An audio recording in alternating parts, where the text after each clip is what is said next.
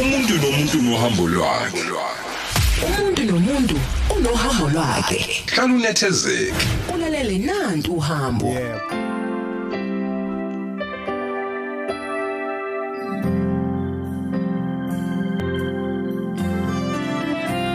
sesithi ke wonke umuntu unohambo lwakhe. Ukuthi nje ngoba asize singayinikeza isikhathi sokwazi kangcono ngohambo lomuntu sesimone umuntu mangabe suke segijima nje kulokho asuke egijima ngaleso sikhathi ukumazi kwethu bese kuqala lapho. Bese ke size siconclude ukuthi hayi siyamazi umuntu. Kanti ke phela simthole senamazinyo nje awu32 samukela kuzanele mbokazi eh niyamazi iphimbo niyalazi. Ngakho ngithe namhlanje cha akaka leya ngoma akakayi eh, ayethule yena njengoba ayeyethula ngalesa sikhathi sasakaza la ekhaya. Sekubingelela ke sesingokusemthethweni Ngiyabingelela Sibusiso, angibingelele nakubalaleli bokhozi. Ngiyabonga kakhulu ukuthi ungimeme namhlanje. Okay. Sizokhuluma nawe namhlanje sikumemele kule nkundla iyohambo ke sizozwa kangcono ngohambo lwakho ukuthi intombi imthethwayo izalelwe kuphi yakhulela kuphi yafunda kuphi izala umabani eyizala kubani Eh Sibusiso ngingumagcino kama Harris eh, umeki eh kanye no no nobaba uDonda. Eh uMika wakambokazi ngizalelwe eThornwood eDassenhoek kodwa ngasheshe ngahamba ngimncane ngayohlala kaNdengezi.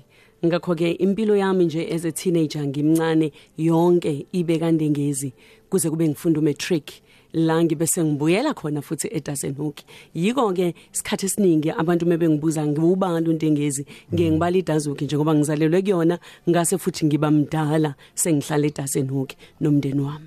Okay. U- u- uma Harris lona ke nga- ngangigcina ngazi noma yigama enim- enimthelo na uma wami umakhanyile Aha. ingane sezametha ngokuthi ukhanyo.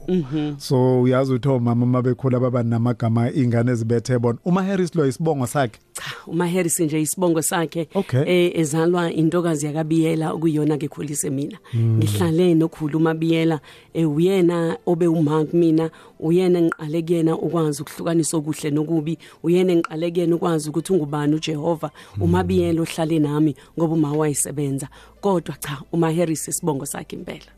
Umabiyala lo wakufundisa wabhabhadiswa Kunjalo. wahamba iclass lombhabhadiso ngahambela nelomqiniso ukwamukela ngahambela umqiniso.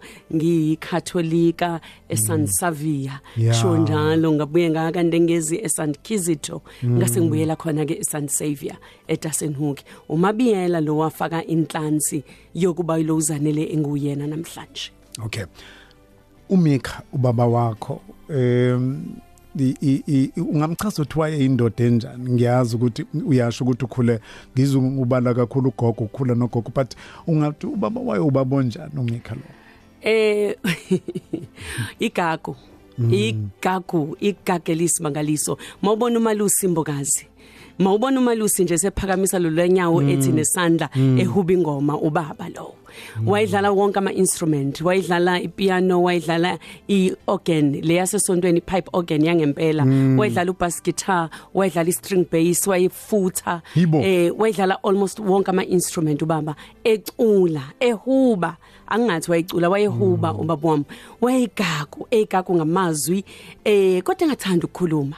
Eh wayishaya ke futhi ke bayamazi ke eh Otaka akhula yakhe. nabo bayamazi ukuthi cha ubaba eh ngiye ngisho mangabe sezinginetha ngithi kuba sekhona ngithi kuba sekhona okwakungami insizwa Eh, phambi hayi cha kwakhe ubaba wayenjalo nje wayaziwa.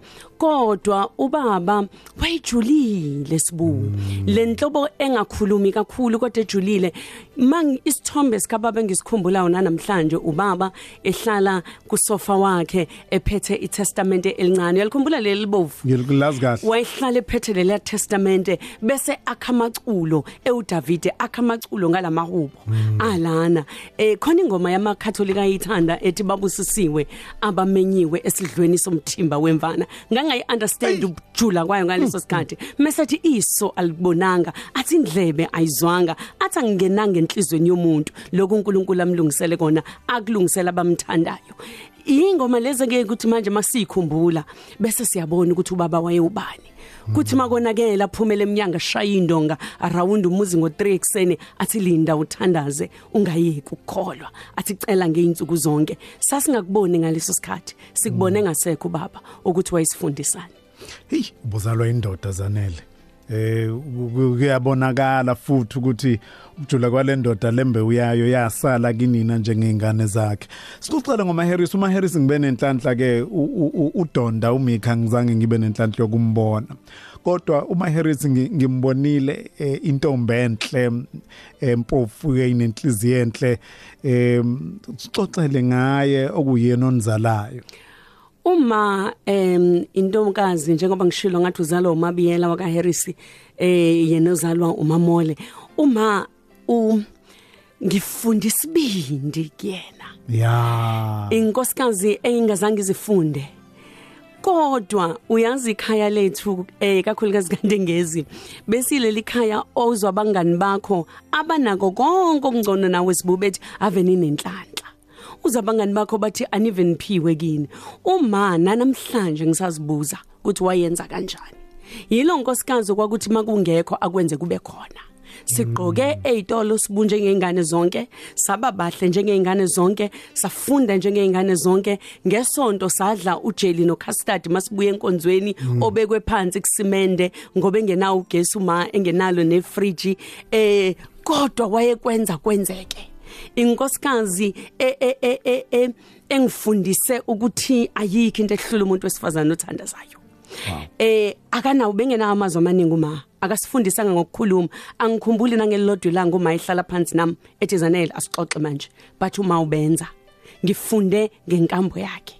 Usifundise ngokunyathela kwakhe usifundise ngokuvuka kwakhe ekseni ashanele uma ubuthulele nabangani bami bevakashile ngo5 usevukile nizothi niyavuka niyaqoka niyaswenka ingubo zenu zonke useyiwashile seyinekile ngisho zabangani bami akasibuzanga. Ekhuthele umshanelo wegceke e- nganginguzwa esanda kushona ngoba into yakhe le wayekhuthele uma eh, within space sempilo yakhe nezinga lempilo yakhe wayekhuthele kakhulu. Okwangenza ngabona ukuthi ukuba wayethola amathuba engiwathole mina ngabe wafika kude kakhulu. But inkosikazi engifundise isibindi esesabekayo inkosikazi engifundise ukuthi muthatha inqumo wenze njani njengentombazana. Yilezo zinto engiyibambe ngima wami. Ngaphambi kokuthi si siye engomeni ni ushilo ukuthi ngowogcina ekhaya ni bangake ekhaya eh si intombi zingaki insizwa zingaki. Abafana babili ufelo oqala eh bese kuba umduduzi wesibili bese kuba uqondi wesithathu mase kuba ukhithi ulindiwe. Ithina sobabili kuphela sisasele nokhithi nolindiwe U- ukhithi o- olindiwe eh uMrs. Zulu manje. Laba abanye sebadlula bonke emhlabeni. Okwesinye sesigaba esingishape kakhulu empilweni yami ngoba ukuhamba kwabo ngeindlela ezihlukahlukene kungifundise okukhulu. Eh cishe ikona kwangiphusha ngize ngibhala le yancwadi yayithi akusiye yakho lempi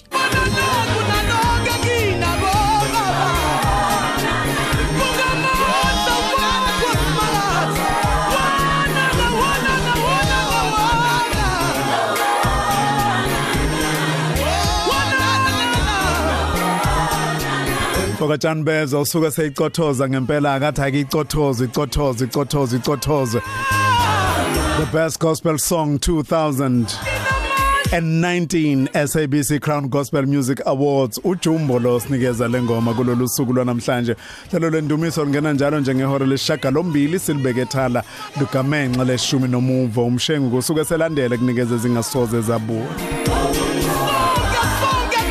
Sibonge bonke kade bekhona lapha yana eh eDurban North lapha kwaNtoko uzobongelwa lensizwa le. Bonke abacule kade bekhona abantu abaqhamuke endaweni ezahlukahlukene.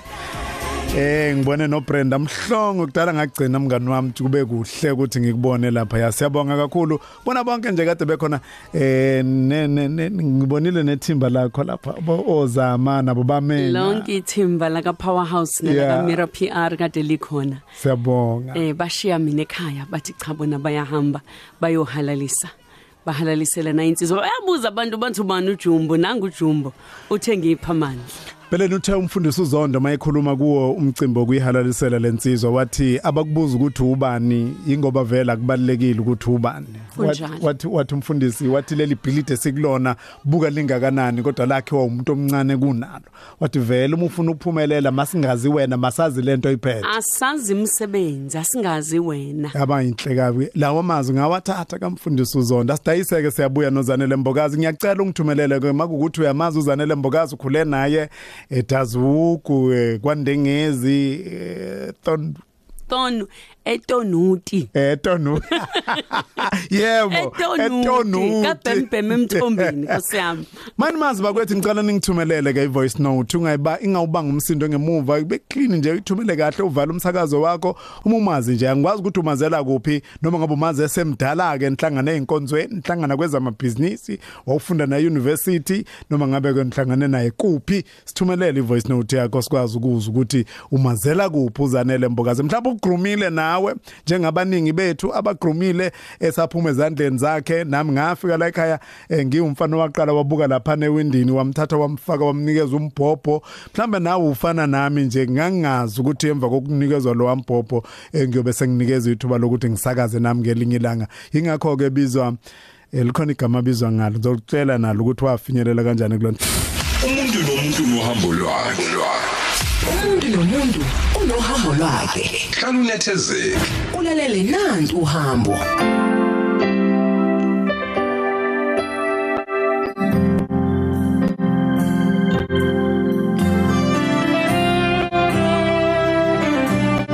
Usuku olukhulu ke namhlanje usuku lapho sikhumbula khona abantu abathintwe isifo sengculaza igciwane lengculaza ngokwehlukahlukana. Siyazi ukuthi ke empeleni makhulunywa ngalokho ukuthi ukubheka abantu okubathintile sonke kusithintile. Njengesizwe akwazi ukungasithinti uma ubheka ama statistics akhona uma sikhumbula ukuthi bangakanani abantu asebeye bashiya nasemhlabeni. Eh ithuba lokumbonga uNkulunkulu ithuba elibalulekile kakhulu. Ngizwile ukuthi lapha eAssemblies of God lapha eSentin kwesikababa uPercy Ingle eh nakhona lapho futhi kulolu suku bathe nje bayobonga uNkulunkulu kulolu suku na- lwanamhlanje. Baphinde futhi badlulisele ke nemiyalezo eh ethinta lona lolu suku lwanamhlanje eh bathe ke inkonzo ingena ngo 3 o'clock lapha eAssemblies of God eSentin thembeka ukuthi kuzohamba kahle. Eh khona noba setsana usisibhaso obhala incwadi kulezi insuku. Hey madoda nini incwadi yakhe sengeke ngathi ukuyibuka?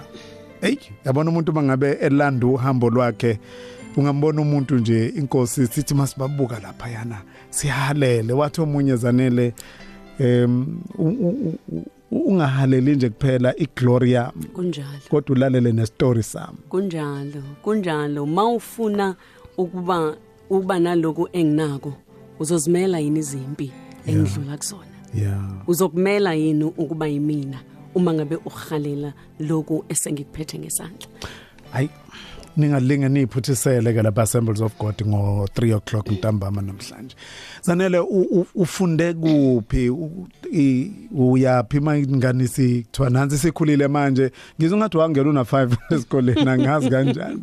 5 we kwangena kuna 7 ngiyakhumbula. Futhi khona lento eyayenziwa yokubeka isandla emva kwendlebe uthinta indlebe. Ngangakakwazi ukwenza lokho. Ngikhulela eThornwood isikole kwakuthiwa isesibu- isekubuseni. Kwakwamagogogo nje sibula phana sekhaya manje i- indaba yayo ukuthi ukhithi wasekhaya wayifunda khona emini ngihlele ekhaya mina ngimane ngidoje ngigijime ngiyoma ngaphandle kwasesikoleni ngilalele okay Mebeshe imlolozelo ngiyayisho la ngaphandle. Mebebala ngiyabala ngaphandle. Me uthisha ebuza imibuzo ngiyabuza umempungose usaphila bese efundisa eMarine Hill. Mempungose ngiyakusaluta ngoba usaphila umem wami owangiqhweba ngelinye ilanga eminyango. Wathi awungene la wena ngane ezacile ingane le. Awungene la wena wangingenisa wathi uthuthu umlolozelo ngawusho njengobunjalo. Wathi usho i- ibalo ngazisho njengoba nginjalo ngangena esikoleni phakathi nonyaka. ngaqala kanjalo ngineminyaka ewu5 eh ngiqale kanjalo ke kubuseni ngahamba ngaye ebheko kuhle ngase ngiyahamba ngaya kandengezi. Kandengezi ngifunde eMthala ngafunda eHaya ngafunda ente unyaka owodwa. Eh kwacanca ukuthi sekuqala lesiya sikhathi esasisimbi emalokishini. Zathi mayivungama izinto ngabona ukuthi ngeke ngize ngiye ndawo la. Ngancenga ke kuma ukuthi asenze indlela yokuthi ngihambe ngiye St Francis College eMarren Hill. La ngabe sengithola khona ukuthi ngifunde kuze kube ngiyaqeda standard 10 Yey. Ikole engakufunde kuzona. Ngiyakhumbula sake saya na- nawe ente yebo sasiyokuthi give back sasiyothi ngadlula la kulezi zandla nami angibuye kube khona engizobenzela kona. U- wa wa wacela ukuyofunda ke manje eMarian Hill ise boarding school lapha. Wafika wahlala phakathi namasistela. Kwakunzima ukungena kwami nje eMarren Hill. Ngicabanga ukuthi yona into eyashintsha impilo yami sibu. Ngoba ila ngiqala khona ukumbona uzanele lo nje. Eh ungena eMarren Hill kwakufanele ngithola itestimonial yasesontweni ebhalwe umfundisi. Manje uma wayengekho muhle kumathikithi isondlo sebandla engakwazi ukukhokha. Eh kwafa- kwacaca ukuthi ngeke ngize ngingene. Kanti ubhudi ngaleso sikhathi uyofundela ukuba yiphoyisa eHammanskraal mebuya usiphathela ama gift izipho zebhantshi lalibhala uphiye ekhadini ngaleso sikhathi. Ngathatha lami ngayolithengisa ngathatha imali ngayokhokha isondlo sebandla. Cha bandla ngaqamba amanga ngathi ngithunywe uma ukuze ngithole incwadi testimonial ngiyise esikoleni mase ngiyangena. Lo mzuzu naleyo decision leso sinqumo isona esashintsha impilo yami njengoba ngibona ngoba kuma ngithola ngitestimonial incwadi ngaba ngingenanga eMarren Hill ngabe mhlambe ngaphelele endleleni. Ngifunde eMarren Hill ke kwakunzima ngikhumbula uma sinaye ePine Town ethi kodwa zanele uyenzelani lento sasithwele itrunk ekhanda? Uyofunda eMarren Hill uzokhokha ngani? Uzodlana ezinye izingane zidla kamnandi ema boarding school. Saguqa phansi noma kukhona kule ncwadi ethi the battle is not yours. Ngikhumbula uma wabeka itrunk phansi eduze kwase Pine Town no City Girl saguqa phansi noma sathandaza sobabili ekhala umzali ethi kodwa ungenzani? Uyongena eMarren Hill nje uzokhokha ngani? Ngathi kumama impilo yethu ishintsha namhlanje. Ngene eMarren Hill kunzima sibu ama trunk ezinye ingane zazithi maziya ebox ziyodla kamnandi. Eh ngelinye ilanga ukuthi angikuthanda ukudla wazi kahle ukuthi akukho. Uzoya ebox uyokwenzani akukho kona. Eh kodwa impilo yase Marren Hill iyona eyashintsha impilo yami ngoba yaqala ukwenza ngiv- ngizibone ukuthi ngingubani kuze kube namhlanje. Ufunde mapha ama class lapha eMarian Hill? Standard 8 kuya ku matric so ufunde iminyaka emithathu? Funda iminyaka ewu4 eMarren Hill. 8 9 10 eh Mthathu. angazi. Eh nine, emtha emthathu kuphela kungathi isikhathi eside ngasihlala khona. Ma ufunde nje standard 10 hayibo u standard 8 khona kusho ukuthi mithathu yebo. Yeah. yebo. Wase uphuma lapho wenze njani? So uphasana no matric wakho. Noma mhlawumbe ithi siza ma ngesikhathi uplana usafunda umatric wakho uyitshela ukuthi uzophuma la ubhekephi ngiyamuza umama ethi isimo sinzima uphuza la e boarding school. How much more kuye university uma ubekade enabantu ah, abantwana babangani bakhe abafunda eMbumbulu College eh so ekhaya nje kwakunaleli gama lembumbulu manje lethi na uzoya embumbulu kushibhile futhi kuyaphaswa futhi khona izingane ozaziyo ezindala kunawo eh kodwa mina ngangakufuna kembumbulu ngithema ngabe ngiqeda esikoleni ngathola ithuba. Uyazazi lezi izingane eziwama kuthiwa ama pet othisha uma uthisha ngekho wena ofundisayo esikoleni wena ofundisa iclass le history eh imina wayenza lezo zinto. So ngithema ngiphuma ngasitshela ukuthi mhlambe ngizoba uthisha nga- nami ngangiwomunye wabangenathi isiqiniseko sokuthi ngifuna ukwenzani. Ngenhlanhla sibuya mdinga umuntu empilweni ozokholelwa kuwena. Yeah. kunensizwa yakande engezi bayazi abaningi ubhuti uzakhele fakazi eh wakholelwa kumina ngingakaziboni ukuthi ngingubani. Wa wa- mangiphasa umatric wayehlenyuka esingqongqoza eh, ngikhumbula siya ka Clover ingqongqoze eminyango ethi sanibona ngiphethe nasi certificate sengane iphase kahle kakhulu kodwa ayinayo imali yokuyofunda ningamsiza yini? Eh abantu abanjalo abangikhuthazile nga apply ke ngagcina ngithathwa eh, e University of Natal sekuyi KwaZulu Natal UKZN manje ngafunda khona iminyaka emine ngihlala ngaphakathi khona. Wenzani? Ngifunde eh, eh, BA majoring kwipolitiki eh, na kwi English ngase ngenza iHonors ye media eh okuyiyona ke ngicabanga ukuthi yangichanela ngaleso sikhathi. Uf- ufunda lapha euniversity ngalesiya sikhathi ku- kwakuyikhathi a- angazi noma ngithi kwakuseyikhathi lezi zo zo zo Yep. izwe lingakakhululeki kunjalo. Ngalezo ikhathi kunjalo. Em ufunda ipolitiki yayingenawo umuzwa wokuthi ngenxa yesimo esikuso noma wawuyithathe nje ufuna ukuyifunda at, at an account, uh, academic level? Cha kwakuyisikhathi. Kwakuyisikhathi. Ngangifuna uku-understanda ngoba sasididekile ukuthi kwenzekani. Ngiphume lokishini ziyabila khona eh, eh, esikoleni eh, professor macquet mason njalo ufayele azonitakula nakamaphoyisa sekuyagijinywa seniyabaleka. Emarese alan taylor seniyabaleka. Mm, kwakuyileso sikhathi. So ipolitiki ngicabanga ukuthi kwaku-natural. Nanamanje i'm a student of international politics. Nanamanje ma ungena kwami bangakutshela abantwana ukuthi i- from iraq to america i- i- ipolitiki ingaphakathi kuthina. Kodwa ke ngachuza ukuthi mina ngeke ngize ngiyipractice ngizoyiqonda nje kuphela eh ngiyithande em ngifunde U- u- khona. ucontribute ngendlela yakho. Contribute ngendlela yami. Yes akuthina sonke eso practice size siba ama politicians ukuze sikhombise ukuthi siyayithanda kumbe siyayazi kumbe siyifundile. Okay. Phoshintsha kanjani uma usiya kwi kwi um Kwi-media. honors kwi honors level Ye-media. ubusuvele ubridge ke manje uye kwi media ngangenza i-english ngangimajorishe nge-english um ngangiyithanda kakhulu ngoba ngangithanda i-poetry ngangithanda ukubhala njengoba ngibhala nje so u- ukumajorisha nge-english kwakungilidela lapho but ngithe sengikwi-third year kwafika le bug yokuthanda ukubhala.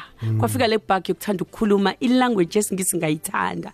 Ngafuna ukubhala ngafuna ukuyi-understanda kangcono. Kanti ngizothi mangabe ngiya kule department yaka media ngafica usizamambo mkhize. Ayibo. eh wayomphathi wala ekhaya. Saficana nosizamambo lapha. Uzokwenzani ngenza ngizokwenza i-honors ye-media?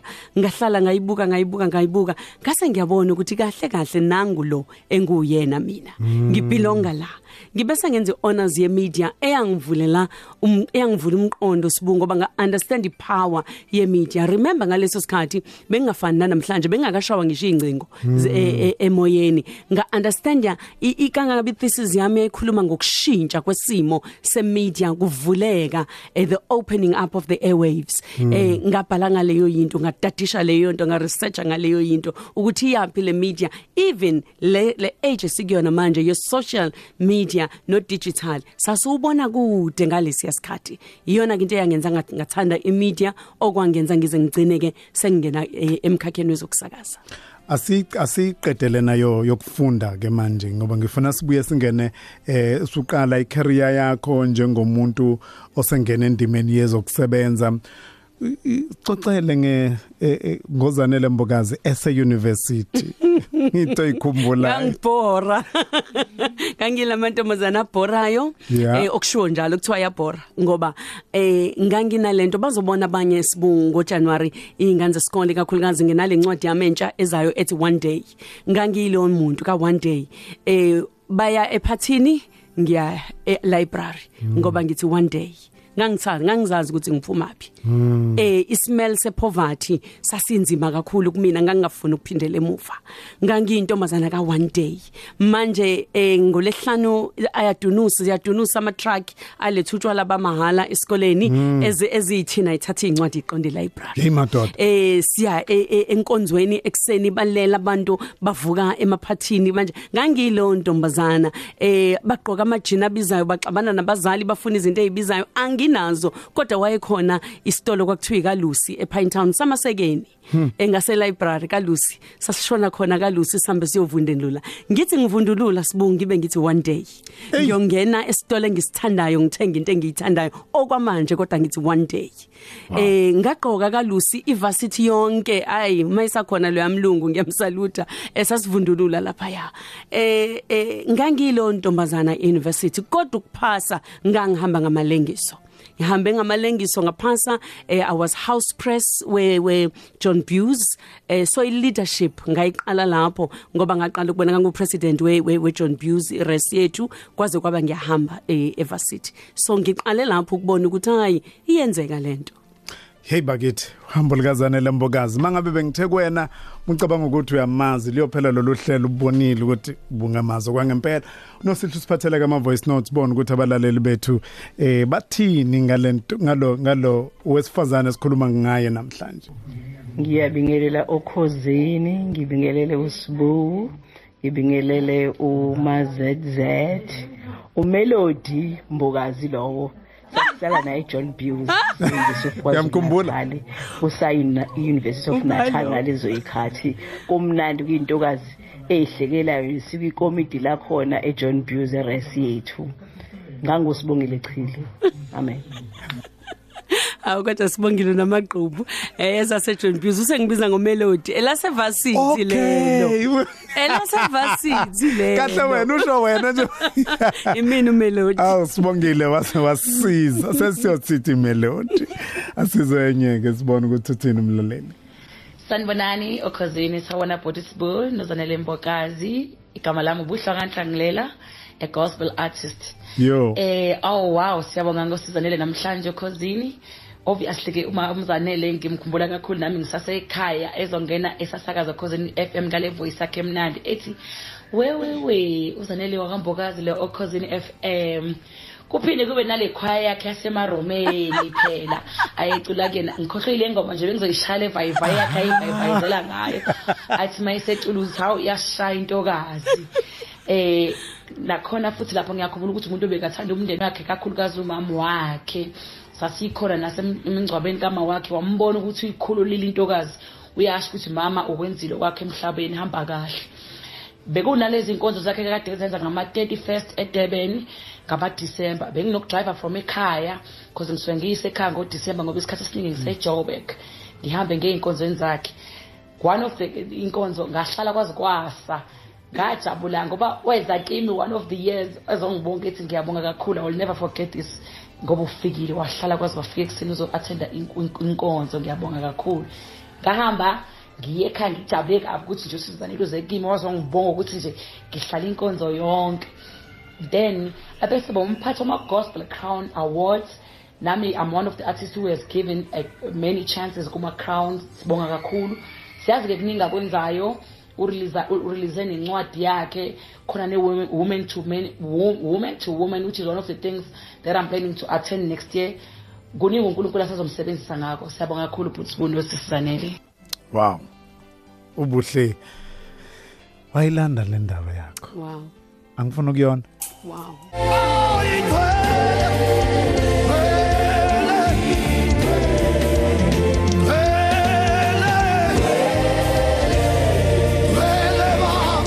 Sisa kakhulu labazalwane bale Evenda Worship House live ka2018 Sihloko sengoma yabo makabongwe yena yedwa oyingcwele okufanele ukudunyiswa yena yedwa. Sisho kanjalo sonke sithi makadunyiswe ekseni Shumi nantathu imzuzu ngaphambi kokuthi kubumbane ke eleshumi nomuvo ihora kulesi sikhathi sibheka uhambo lukazanele Mbokazi oluinteresta ngendlela emangalisayo khumbuleke ukuthi kuwona wonke ihambeli zethu esike saba nazo eh la emsakazweni ukhozi kulona lolu hambo kusona lesi sigaba sohambo. Ungakwazi ukuthi uthola ama podcast abo ku www.ukhozifm.co.za ungeke kunoma ke yimuphi kubona bonke sike sakhuluma nabo kusukela kumama ufikile enxadlana okuyena esazibula ngaye eh, ngo-April seliqala lolu hlelo. Umuntu nomuntu nohambo lwakhe. Umuntu nomuntu unohambo lwakhe. Hlala unethezeke. Ulalele nanti uhambo. Yobuhlelo unethezekile nje ulalele nalo uhambo lukazanele Mbokazi siza ama voice note. Bathina abalaleli bethu. Sanibona sibu uthando sibiya lokhulumayo uzanele ngimazi kakhulu ngimazi esase Maranhill wayeyisiniya lethu eqala amaculo esontweni wayehlale ehleka. Emuhle nje njengoba esamuhle namanje. And uyena umuntu waye active kakhulu esontweni eh makuzoqala isonto uya prepare everything. Nokuqala ke uyena wayesiqalela amaculo esontweni. Wow. Uyamkhumbula?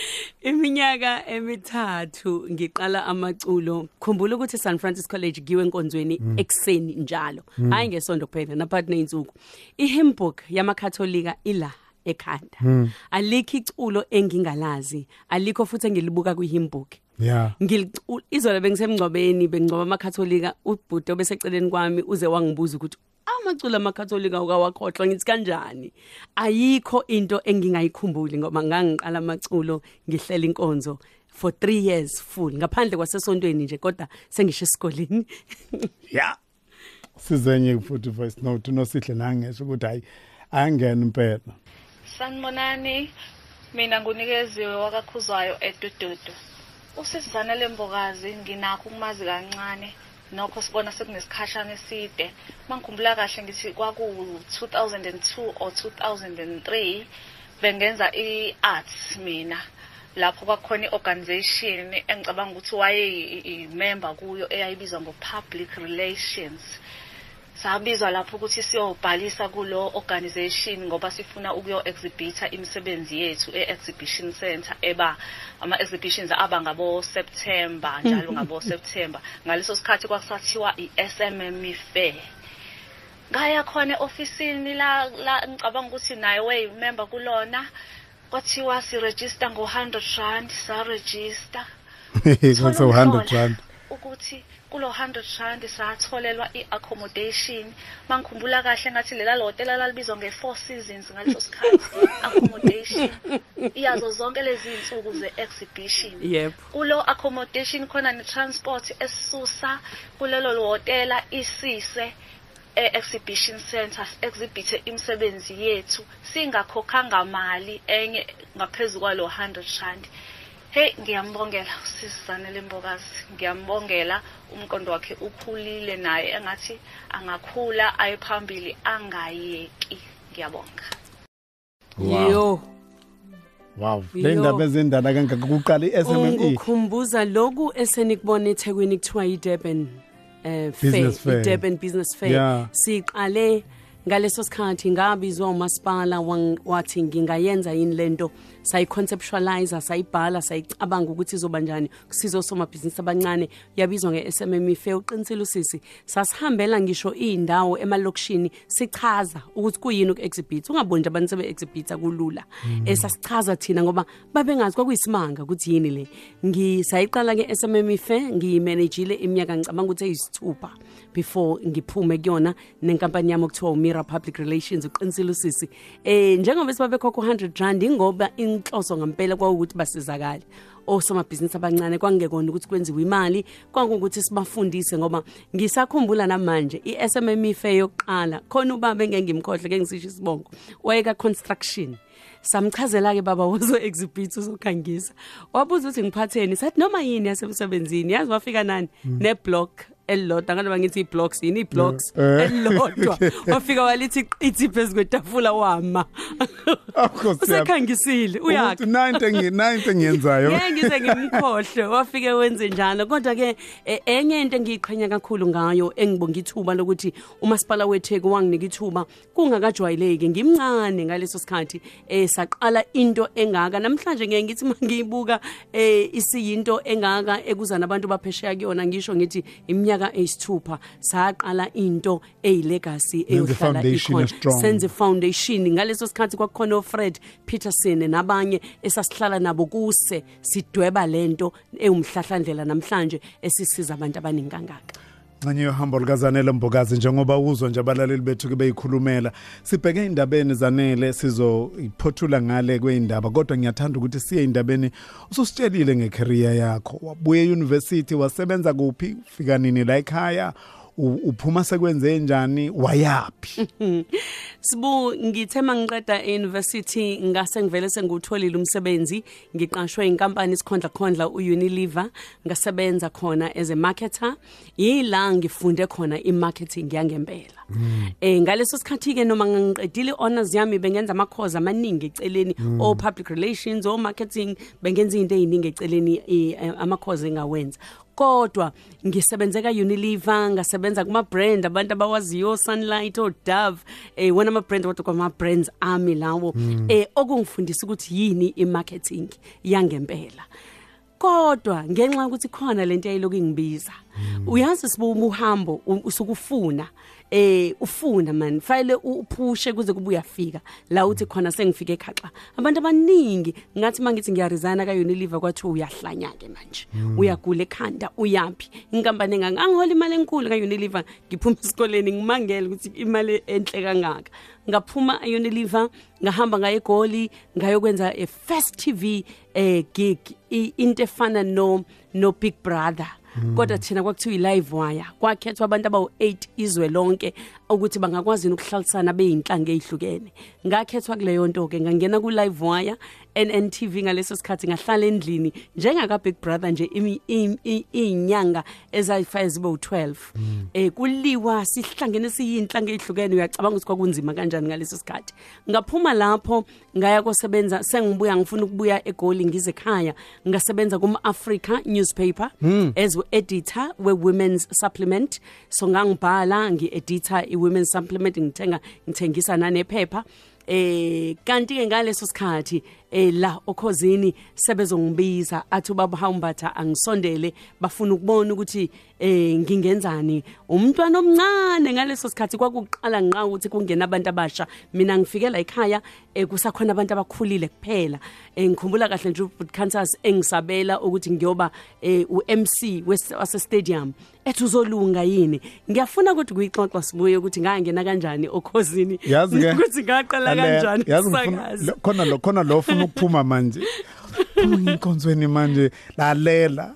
Ngiyayibamba la. Angaphumi. Ngibamba la awuzunyakaza. Ngaphumi. hloniphile uzofunda indaba uyobuya sicoce siqhubeke nalendaba kazanele. Amazing story. Hlale duze komsakazo wakho ungasuki. Sangasithumelela ama voice notes akho.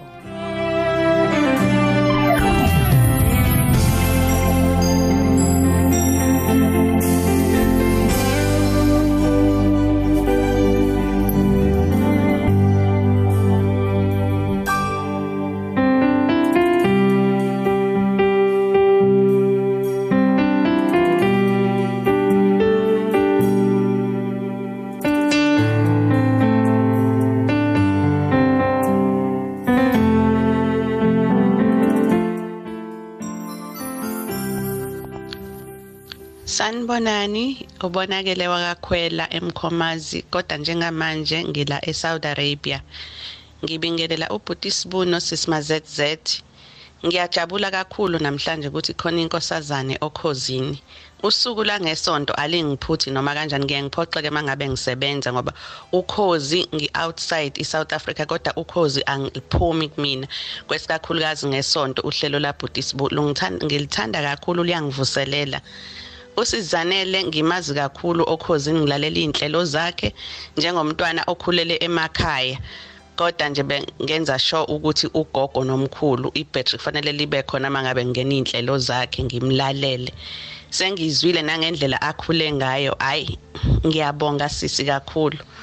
Kwathina usifaka ugqozi uyasimotivate ukuthi noma sizalelwe ey'ndaweni ey'semakhaya emzini engadli izambane likapondo kodwa uma ngabe uzimisele ngento uyaphumelela. Ngiyabona futhi nentsha if ingastika kuwena kukhulu abazokuzuza bangabheki izinto zomhlaba umuntu akabheke into emisa phambili. Ngiyayithanda le nto wawunayo e-university ukuthi eya one day. Mangabe bengalalela abantwana bethu nabantwana abasakhula nabasazozalwa ihlale kubona le nkulumo. Isizwe ngeke size sibe nje ngendlela esiyona abantwana abancane bangene ey'dakamizweni bangene ey'ntweni ezibabuyisela emumva ngiyabonga kakhulu sisi wami. Unkulunkulu anibusise nobhuti sibune emndeni yenu nonke. Nikhule nikhule nabantwana bethu abasakhula nibakhulise. Ngenkulumo zenu nje niyamshintsha umuntu noma ngathiwa uvuka ekuseni uze ukuthi umzimba inhliziyo ithwele. Kodwa ngokulalela nje uhlelo langesonto lasokhozini uvana uphile kube ngazuthi umthwalo usukile. Ngiyabonga kakhulu. Blessings from Saudi Arabia phesheya kweyilwandle ngivele ngiye ku social media ke ngibona ukuthi kuthiwani lapha. Em umbhodane dube entun entungwini. Uthi ke thanks eh, ngingohambo lukazanele mbukazi intombi emhlophe emhlophe ba esukile egarden uyibo umude kanti? Ayibo angimfishane. Kodwa usukile futhi egarden angimude kodwa ngimfishane okay. You should just sukuma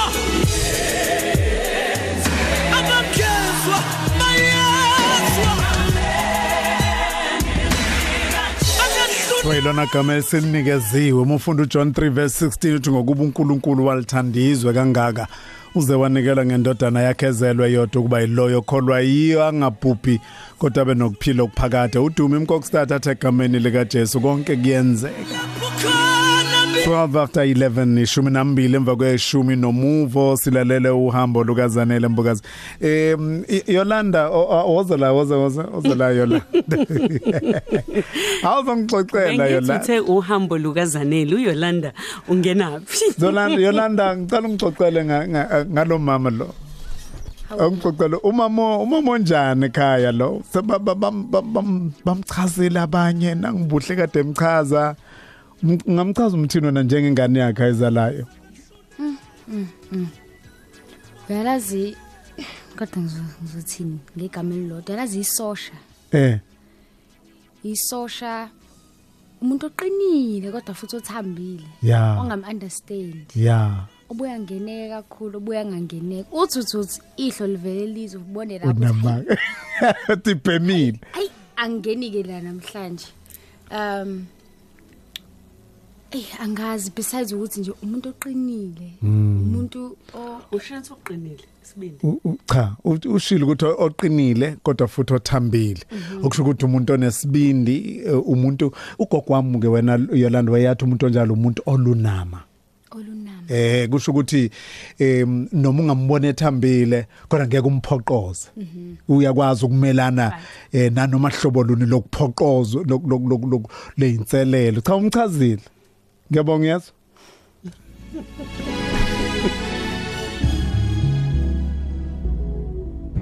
Isona sambeli sethu sokugcina ke ngonyaka ka2019 umsakazo wethu Ukhozi FM usungena esikhathini senews volume. Yazazi ke ziyashintsha inhlelo zethu. Asazi ukuthi uyovula ngobani unyaka kodwa ke sikhetha ukuthi siuvale ngozanele wakambokazi. I'm sure ukuthi uyasho ukuthi cha hayi usilethele inkunzi malanga. Ungena kwakho Ukhozini zanele.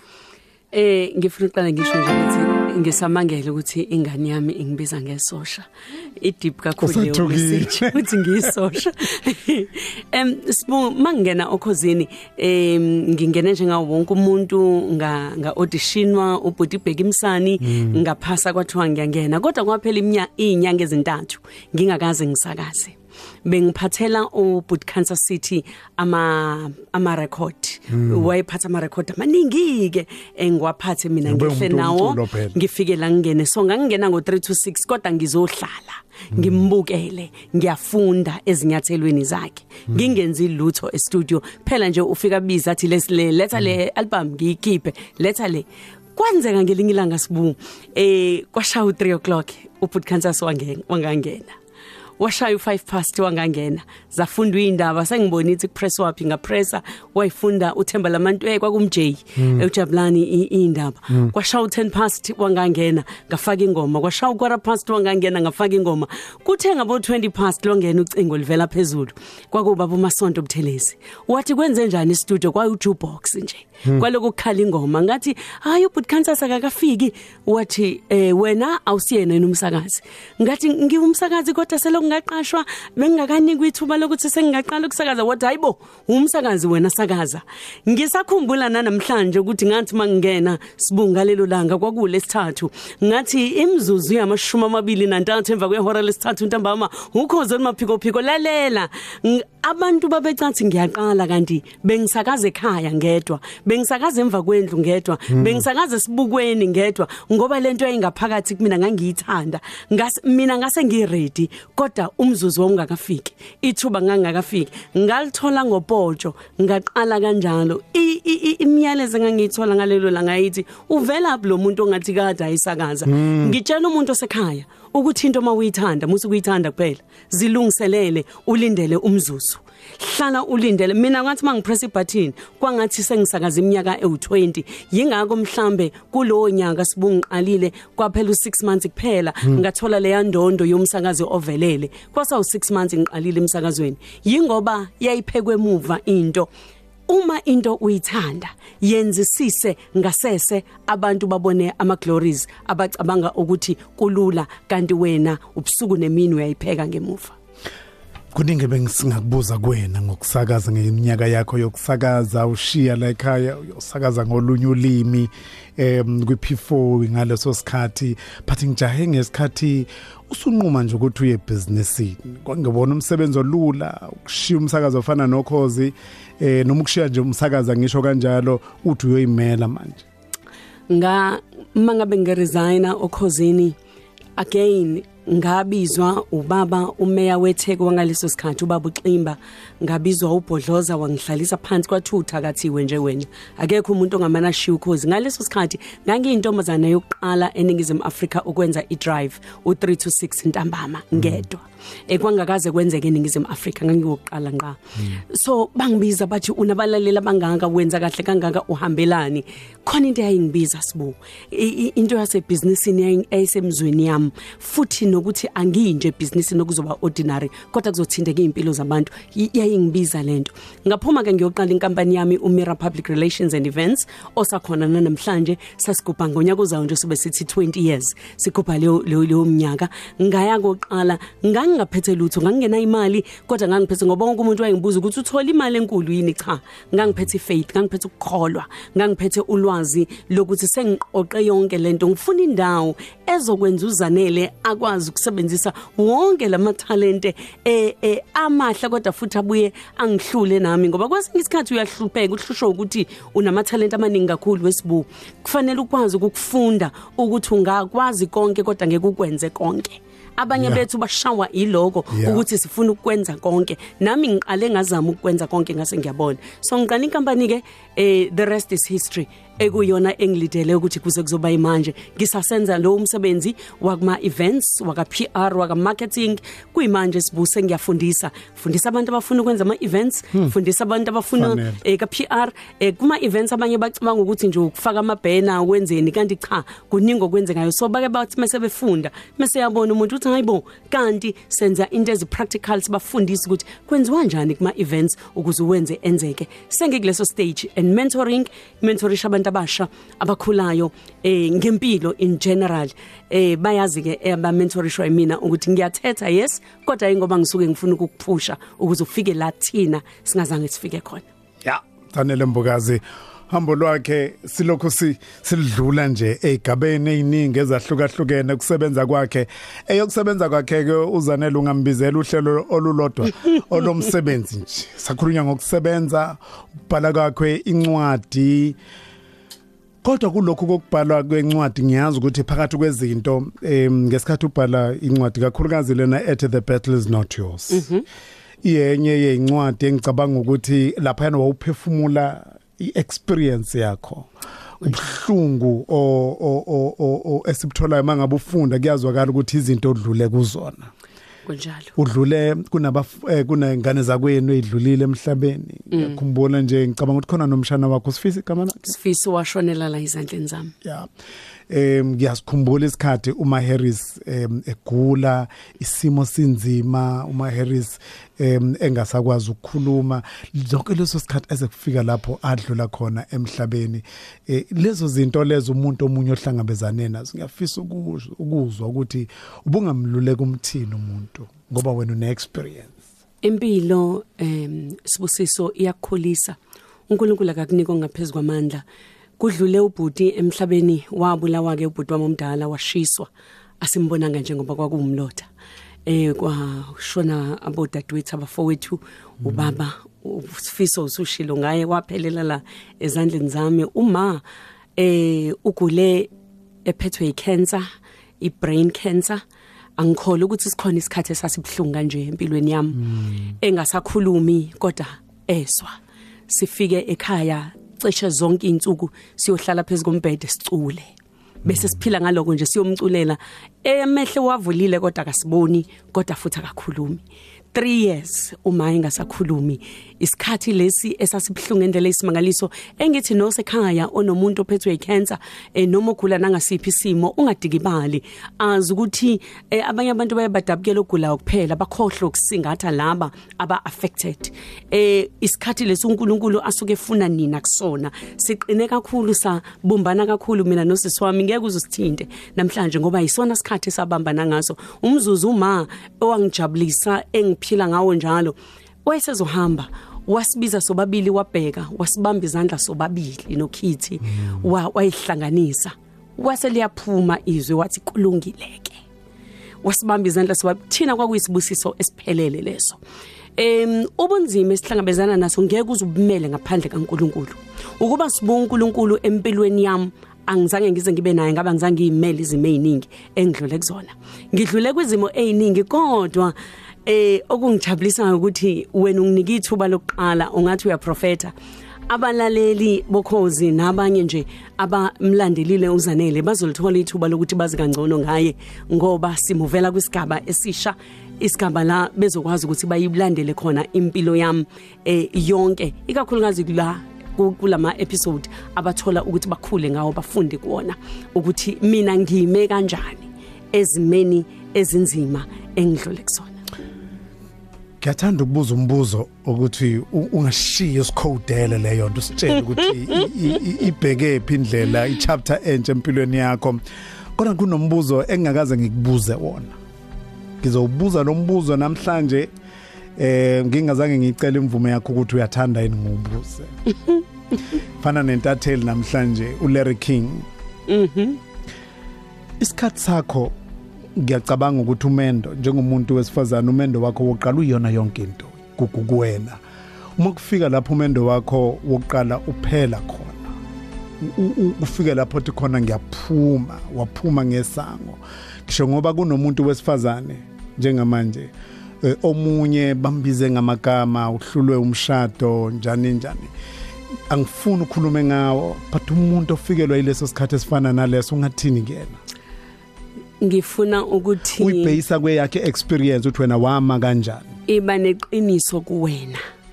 Akekho umuntu ozokuphilela impilo yakho. Mina khumbula ngiphume ngesikhathi esinzima bengakabi kuningi kangaka ukuphuma. Kwakunzima sibu. Especially ngoba bengima emapulpiti ngikhuluma nabantu besifazane. Manje ngayibuza ukuthi kanti wena Jehova ukuphi? Khona lesi sikhathi engasho njalo ngaso kodwa ngase ngithi uNkulunkulu uyangithanda mina kodwa uyayizonda divorce eh ngifuna futhi ukuthi ma umuntu wesifazane ube neqiniso kuwena ungablame omunye umuntu. Lalela umshado uthatha abantu ababili.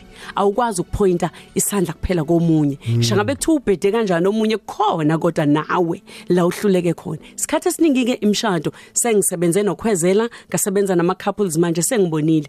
Iyodwa into ewukhiye kakhulu emshadweni kuningi kodwa iyodwa ebalekile ama expectations angakhulunywa. Ungena unama expectations ulindele ukuthi lo munye umuntu ufunda ingqondo yakho uzokwenza lento iyona mengasayenza khumbula sihlangana sibadala. Ukhulelekini ngikhulelekithi kodwa mina ngizo expect ukuthi uzokwenza ABC munga kwenzi ngibona ukuthi awuyena lo muntu kumbe u wrong kanti awukho wrong ama expectations am akusho ukuthi kumele abe impilo yakho. I- i- injalo nje. Ngakho ke uma ubona ukuthi ayingangawe baningi abantu abasemajele. Ngihambela amajele abantu besifazane ababoshiwe abagcina bebe- bebulala abayeni babo. Abanye bafile sibu bebekezela ngoba sikhule emndenini okuthiwa bekezela. Ngifuna ukuthi iba neqiniso kuwena. Uyazi icathulo mazikushisa sishisa wena wedwa. Yilwa zama khanselishwa khuleka kwenze konke ukuze uthi mawuthatha isinqumo sokuthi ngiyaphuma. Kungabi khona nelodwa ilanga o regreta ngalo. Phuma ngoba usuthi yazini? Ngikwenze konke. Sanele okuningi bazokuthola ku socials akho kumuntu o- o- o active kakhulu kuma socials nayo le part le eh, yokuthi ubheke phi la ubheke khona sizokuthola khona lapha kuma socials nikezeke ama socials akho. Eh engakusho nje sibu kancane ukuthi njengoba siqala siqala ichapter entsha njengenkampani nozanele uqala ichapter entsha Mm. si move from ukubhala si move from ukukhuluma siya kwi screen esikhulu simuvela kuma film okay. Simuvela kuma movies watch the space. Yiloko nje ngingakusho. Uzanele mbokazi ku Facebook fan page @mbokazi zanele ku Instagram kanti ngine YouTube page. Nayo lengxoxa namhlanje uzoyibona ku YouTube page yami zanele mbokazi. Ngena nje usubscribe mahala. Mbokazi eh, zanele mbokazi khona. Ngiyabonga kakhulu sibu ithuba lakho. Eh, ngiyabonga nje kuba la uma wami wayethi ekseni njalo? Singasafuni ukuvuka. Athi vukani mantombazana niyolala ningavuswa umuntu. Ngifuna ukuthi ekhaya umuntu ongakhuthele angimthandi mina ngoba asakhile la. Sila sisebenza kusakhanya sizodlula kodwa kuyosala umbhalo. Njengomnenke kuyosala kubhalwe phansi ukuthi sake sabakhona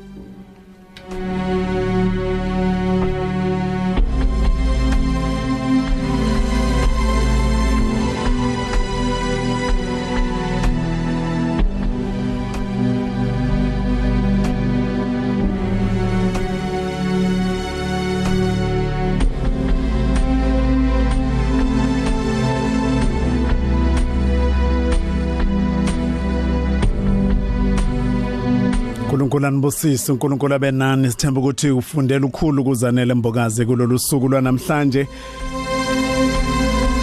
Uhambo lomuntu alikaze lwabalula. Bangabe ubono lwakho kwasengazi ukuthi lunzima nje ingenxa yokuthi awukazi ulalela uhambo lwabanye abantu. Isikhathi sakho lolu hlelo injongo yethu enkulu bekuwukuthi sikuvula amehlo sikunikeze isibindi siqinisekise ukuthi noma uhambo lunjalo kodwa uma uqinisela kulolu hambo lwakho. Uyophumelela ungakhohlwa uNkulunkulu akashiwa uNkulunkulu endleleni. Selibeka la lesa sigaba sohamba kulonyaka ka2019 kulezi inhlelo ezilandelayo ngeke sibe nalo soze sibe nalo ukuqala konyaka ozayo. Thixo anithanda kakhulu. Uhambo kwindumiso nosibungu thelezi